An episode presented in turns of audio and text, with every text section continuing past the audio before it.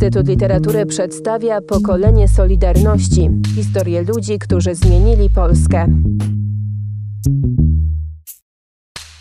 W 1988 roku pracowałam w szkole i ze szkoły mnie kryły tam pani bibliotekarka i inni, bo ja ze szkoły uciekłam z moich lekcji i poleciałam na strajk do stoczni.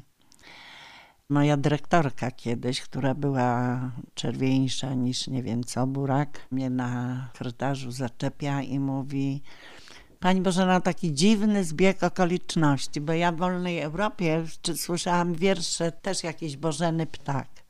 Mój refleks był, pani słucha Wolnej Europy. Natychmiast się zamknęła. A potem przyszła druga pani dyrektor, wtedy były też strajki nauczycieli, która wezwała mnie do swojego gabinetu, z dużym szacunkiem też historyczka. Odnosiła się pani Łyczak, mogę dzisiaj powiedzieć już głośno. Wezwała mnie do gabinetu i pokazała mi podziemną gazetkę, gdzie były moje wiersze. I mówi, pani Bożeno, ja chcę, żeby pani wiedziała, że ja wiem i że gdyby coś się działo, żeby pani nie myślała, że to wyszło ode mnie. A po drugie, ja mam do pani prośbę. Ja jestem historykiem, a ja na przykład nie wiem nic o Katyniu. Czy pani ma jakieś tam podziemne wydania? Oczywiście przyniosę, dostarczę. Ona mówi, bo ja też mam taką jedną pani opowiem, ale proszę, żeby pani dalej nie rozpowiadała. Ja jestem właściwie dziecko wsi i ja się wychowałam w domu chłopskim. Poszłam na tą historię, nie wszystko wiedziałam i marzyłam o tym, żeby być w szkolnictwie pedagogiem i uznałam, że jak się zapiszę do partii, będę mogła więcej zrobić. I musiałam podpisać świstek, że z moją siostrą nie będę utrzymywała żadnych kontaktów, bo w Przasnyszu, w zamkniętym klasztorze, moja siostra jest przeoryszą. Opowiadała mi się, że spotyka się z tą siostrą pokryjomą, ale ze dwa razy tylko się widziały. I taka była moja druga pani dyrektor. Bardzo szlachetna i bardzo piękny pedagog też. I dla młodzieży, i dla nauczycieli, i dla wszystkich w porównaniu z poprzednią. Bo ona mieszkała na, przeciwko kościoła dominikanów, a w kościele dominikanów w Gdańsku odbywały się tak zwane punkty mówione, gazeta mówiona Różne osoby były zapraszane. Te punkty mówione prowadził Paweł Chile i Ezden Tempski, też pisarz i poeta.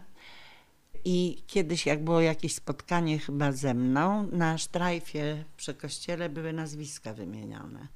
I ta pierwsza pani dyrektor też myślała, że to jakiś zbieg okoliczności. Komuś wspomniała o tym, mnie nie. Kto ja właściwie jestem? Ona do końca nie wiedziała, jak się wobec mnie zachować to moja przygoda ze szkolnictwem, gdzie myślałam, że będę tylko na chwilę, a byłam do emerytury. W przyszłym roku 40 lat. Jak ja teraz słyszę spory o programy nauczania, szczególnie te historyczno-polonistyczne, uważam, że nauczyciel nie powinien omawiać z uczniami lektury, której sam nie czuje. Ja nienawidziłam krzyżaków ale nienawidziłam ich dlatego, że te postacie były dla mnie papierowe. I nie robiłam tego. Ale oczywiście z jednej strony należy prowadzić walkę o to, co się uważa za słuszne. Natomiast nikt mnie w szkole nie zmusi i nigdy nie zmusił do realizowania programu, do którego ja nie jestem przekonana. Byłam szefową Solidarności w mojej szkole, w której pracowałam w państwowej szkole. I Poza tym, że chodziłam na różne zebrania nauczycielskie, bo przede wszystkim to było, to szefowałam strajkowi szkolnemu, który wtedy był. Myśmy działali w myśl tego, co żeśmy sobie zakładali w Solidarności. Ale to było dopiero po 89 roku. Przedtem to było cały czas gdzieś po cichu za plecami. Przychodzili moi absolwenci, którzy już byli w ogólniaku, brali ode mnie jakieś wierszyki do swoich podziemnych, bo to była taka znana szkoła Topolówka, do której chodził i Semka, i Kurski z prawej i z lewej, z różnych stron.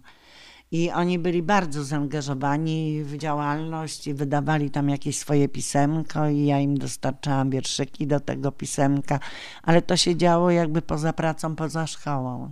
I potem zaczęłam pracować w szkole społecznej i tam już nie było związku i nie należałam do związku. I właściwie do dziś dnia, no jakoś nie, ja już swoje zrobiłam.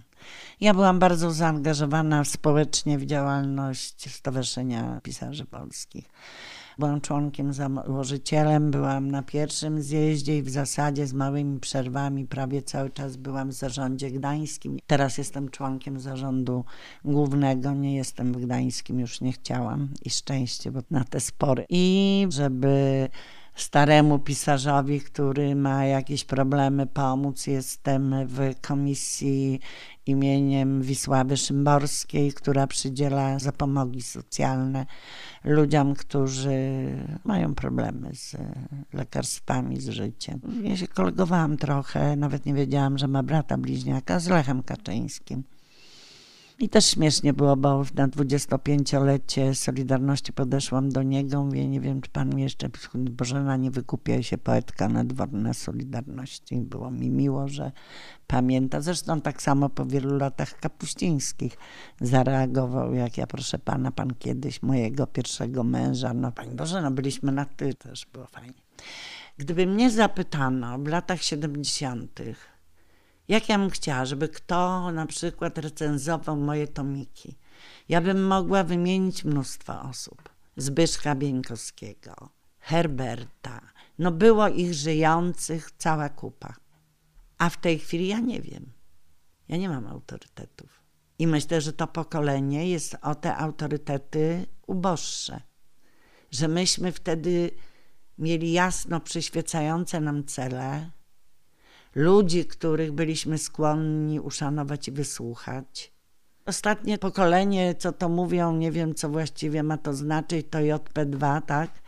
Ale też nie widzę tego pokłosia. Trochę mam takie wrażenie, bo ja myślę, że nawet gdybym była absolutnie niewierząca, nie mówię, że jestem jakimś agnostykiem, bo nie jestem. Jestem raczej osobą mocno wątpiącą i z dużymi zarzutami do hierarchii i uważam, że Kościół mocno sobie zasłużył na to, co ma w tej chwili, ale że nie wsadziłabym wszystkich do jednego worka, bo znam mądrych i szlachetnych, z którymi chętnie porozmawiam i podyskutuję. Ale gdybym była nawet niewierząca, to ja bym moje dziecko jednak chowała do pewnego wieku z religią. Bo jakby ją zabrano, niczym jej nie zastąpiono dziecko musi mieć na pewnym etapie rozwoju swoje szlabany, granice, bo jeżeli nie, to podnosi wyżej poprzeczkę, to wchodzi w twarde narkotyki. Myśmy walczyli długie włosy, tarcza na ramieniu, jak tu ukryć. Bardzo to żeśmy przeżywali. Potem były i oporniki, jakieś inne ukrywania, a to pokolenie bezstresowe wychowanie, żadnych właściwie barier nie ma. Kiedyś jak jednemu brzydko powiedziałam uczniowi, ja teraz idź do dyrekcji, bo ja już nie mam ochoty pracować w szkole, niech mnie wywalą z tej szkoły.